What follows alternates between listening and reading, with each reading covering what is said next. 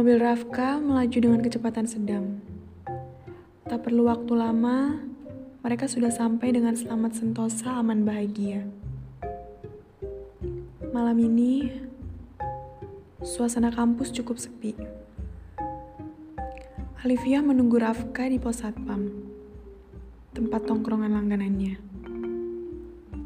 Seperti biasa, ia ditemani Pak Ijal ngobrol. Ngapain, Lip? Malam-malam masih ngampus aja. Biasalah pak, anak muda. Besok Ali bawain pempek mau nggak?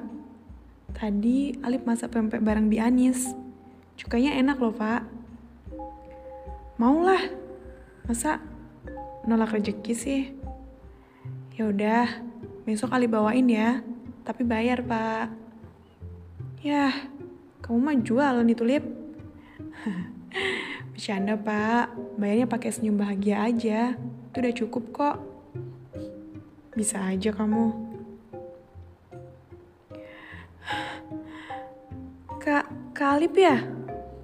Seorang cowok datang dengan napas ngos-ngosan langsung menanyakan. Iya, lo siapa? Habis dikejar mantan. Kok mantan sih kak?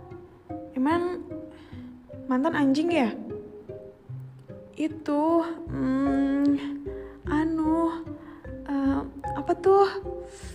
Itu mau ngasih tahu. Ucapnya terbata-bata di sela-sela napasnya yang terengah-engah. Ngomongnya yang bener kek. Anu anu anu lo emang diapain? Tanya Alvia sebal gak diapa-apain kak itu anu lo elah itu cowok lo Alah, Rafka, Rafka. Kak Rafka berantem di sana. Tunjuk ke arah wall climbing tempat Rafka biasa latihan. Lo jangan bercanda deh. Berantem sama siapa? Tanya Olivia panik. Sama orang, Kak. Mendengar itu, Olivia tidak jadi panik, malah sebel. Ya kali dia berantem sama Rayap. Kok kakak marah? Tanya cowok itu lagi. Gue gak marah, aduh. Sama cowok lah, Kak. Masa iya sama cewek? Cowok itu menjawab. Ya udah, bagus lah. Dia gentle kalau berantem sama cowok. Kirain sama cewek. Kalau cowok berantem, kan gantengnya nambah. Sekarang lagi tendang-tendangan atau tonjok-tonjokan? Terakhir sih sama-sama berdarah. Jawab cowok itu. Serius loh? Rafka berantem sama siapa? Alivia kembali panik. Sama itu kak, ketua BEM. Gue gak tahu namanya. Alivia langsung berlari ke arah wall climbing dengan tampang panik. Setelah Alivia pergi tanpa pamit, Pak Ijal dan cowok itu tersenyum jahil tanpa mengikuti Alivia acting kamu kurang bagus tuh. Anu-anu, apaan tuh? Untung dia polos, kata Pak Ijal menceramahi. Saya nggak bisa bohong, Pak. Saya kan orang baik-baik, kakek cowok itu. Orang baik gak pernah bilang dirinya itu baik. Sepasang kaki melangkah cepat dan pasti menyusuri pelataran kampus di bawah naungan langit malam. Sementara kedua tangannya sibuk menggenggam tali tas lempang yang bergantung pada bahu kirinya. Napasnya memburu dengan suasana hati yang penuh kegundahan. Aura kelelahannya kini terpancar dari wajahnya. Karena sedari tadi ia berlari tanpa henti menuju tempat itu. Cewek itu terkesiap ketika tiba di sana. Sepi, sunyi, senyap, dan tak ada seorang pun yang terlihat. Hanya ada dirinya dan desiran angin yang menusuk kulit. Ia menoleh ke belakang. Gue dari tadi lari sendirian. Pak Ijal sama cowok kacamata nggak mau nemenin gue apa? Tanyanya menyebut nama satpam kampus dan cowok yang baru ditemuinya. Matanya memandang daerah sekitar sana. Di samping kanannya adalah hutan-hutan. Alivia jadi teringat dengan film-film horor yang pernah ditontonnya. Merinding. Entah merinding karena angin atau merinding karena anu. Gak ada orang. Oke.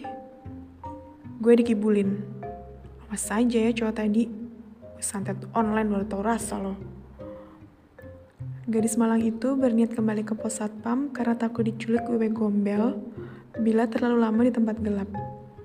Ia bukan orang yang berani, malah sangat parnoan terhadap hal-hal gaib dan semacamnya.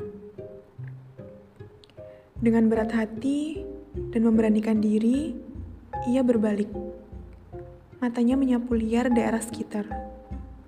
Wow, jarak kembali ke pos satpam lumayan jauh ternyata. Saking paniknya tadi, ia tidak sadar seberapa jauh kakinya berlari. Tangannya pun agak gemetar ketika memandangi pohon-pohon tinggi yang menghitam di selimuti malam. Ia menunduk tidak berani. Takut ada keanehan seperti di sinetron jodoh wasiat bapak.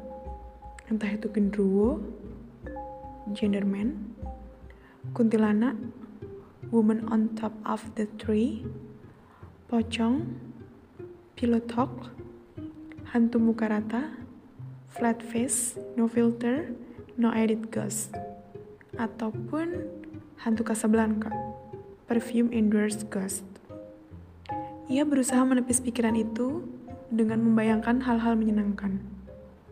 Namun, rasa was-was, cemas, takut, ngeri, panik bercampur aduk menyelimuti perasaannya. Karena tiba-tiba ada bau melati yang menyengat menusuk hidungnya. Sambil membaca doa sehari-hari, dirinya berusaha berjalan dengan cuek. Satu tujuannya saat ini kembali ke tempat awal tadi dengan cepat. Ketika beberapa langkah berjalan, gadis itu dikejutkan oleh suara langkah kaki orang yang berjalan di belakangnya. Ia tidak berani menoleh saking takutnya. Seraya menunduk, ia terus berjalan agar cepat sampai ke tempat tujuannya. Namun, semakin jauh ia berjalan, semakin terasa pula derap langkah yang mengikutinya. Dan sepertinya bukan hanya satu orang, tetapi lebih. Dengan sangat berat hati, ia memberanikan diri menoleh dan berbalik. Allahu Akbar! Ia langsung terduduk ketakutan di rumputan. Kedua tangannya refleks menutup matanya. Apa yang dilihatnya tadi? Ada pocong yang talinya masih terikat, kuntilanak yang rambutnya terurai ke depan, genderuwo yang berbaju hitam, dan tuyul botak yang hanya memakai kolor. Wow, saat ini hantu-hantu khas Indonesia berbaris di depannya. Raf, jemput gue, Raf. Ini gue mau diculik deh kayaknya. Gadis itu bergumam pelan, menyebut nama mantan pacarnya. Kini, mulutnya mulai membaca ayat kursi sampai selesai dengan ada ketakutan.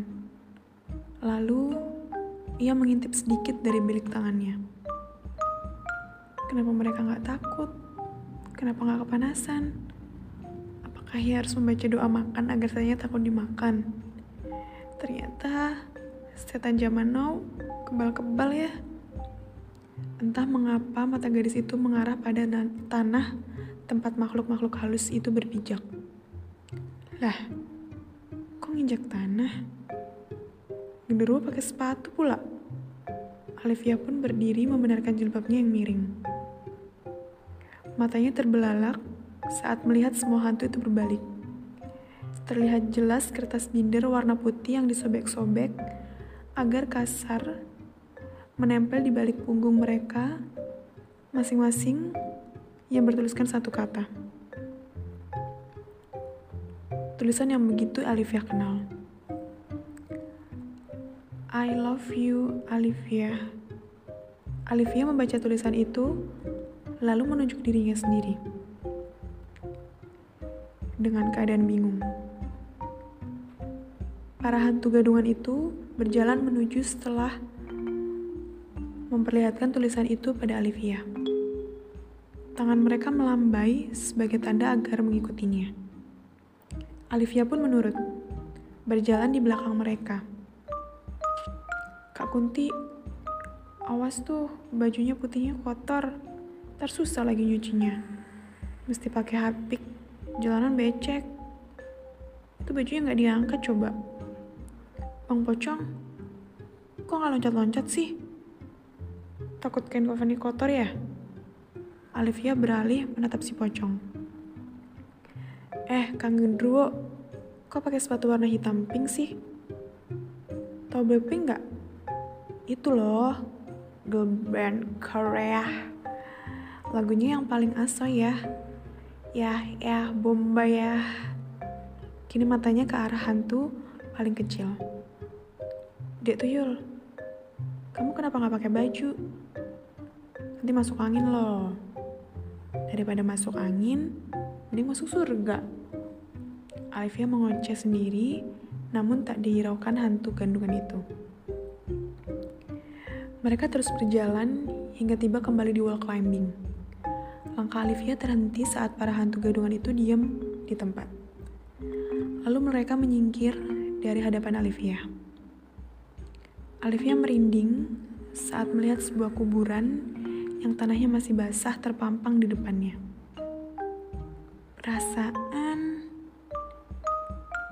tadi ia tidak melihat kuburan itu. Para hantu gadungan pun berdiri samping kuburan, sedangkan Olivia masih berdiri di tempatnya.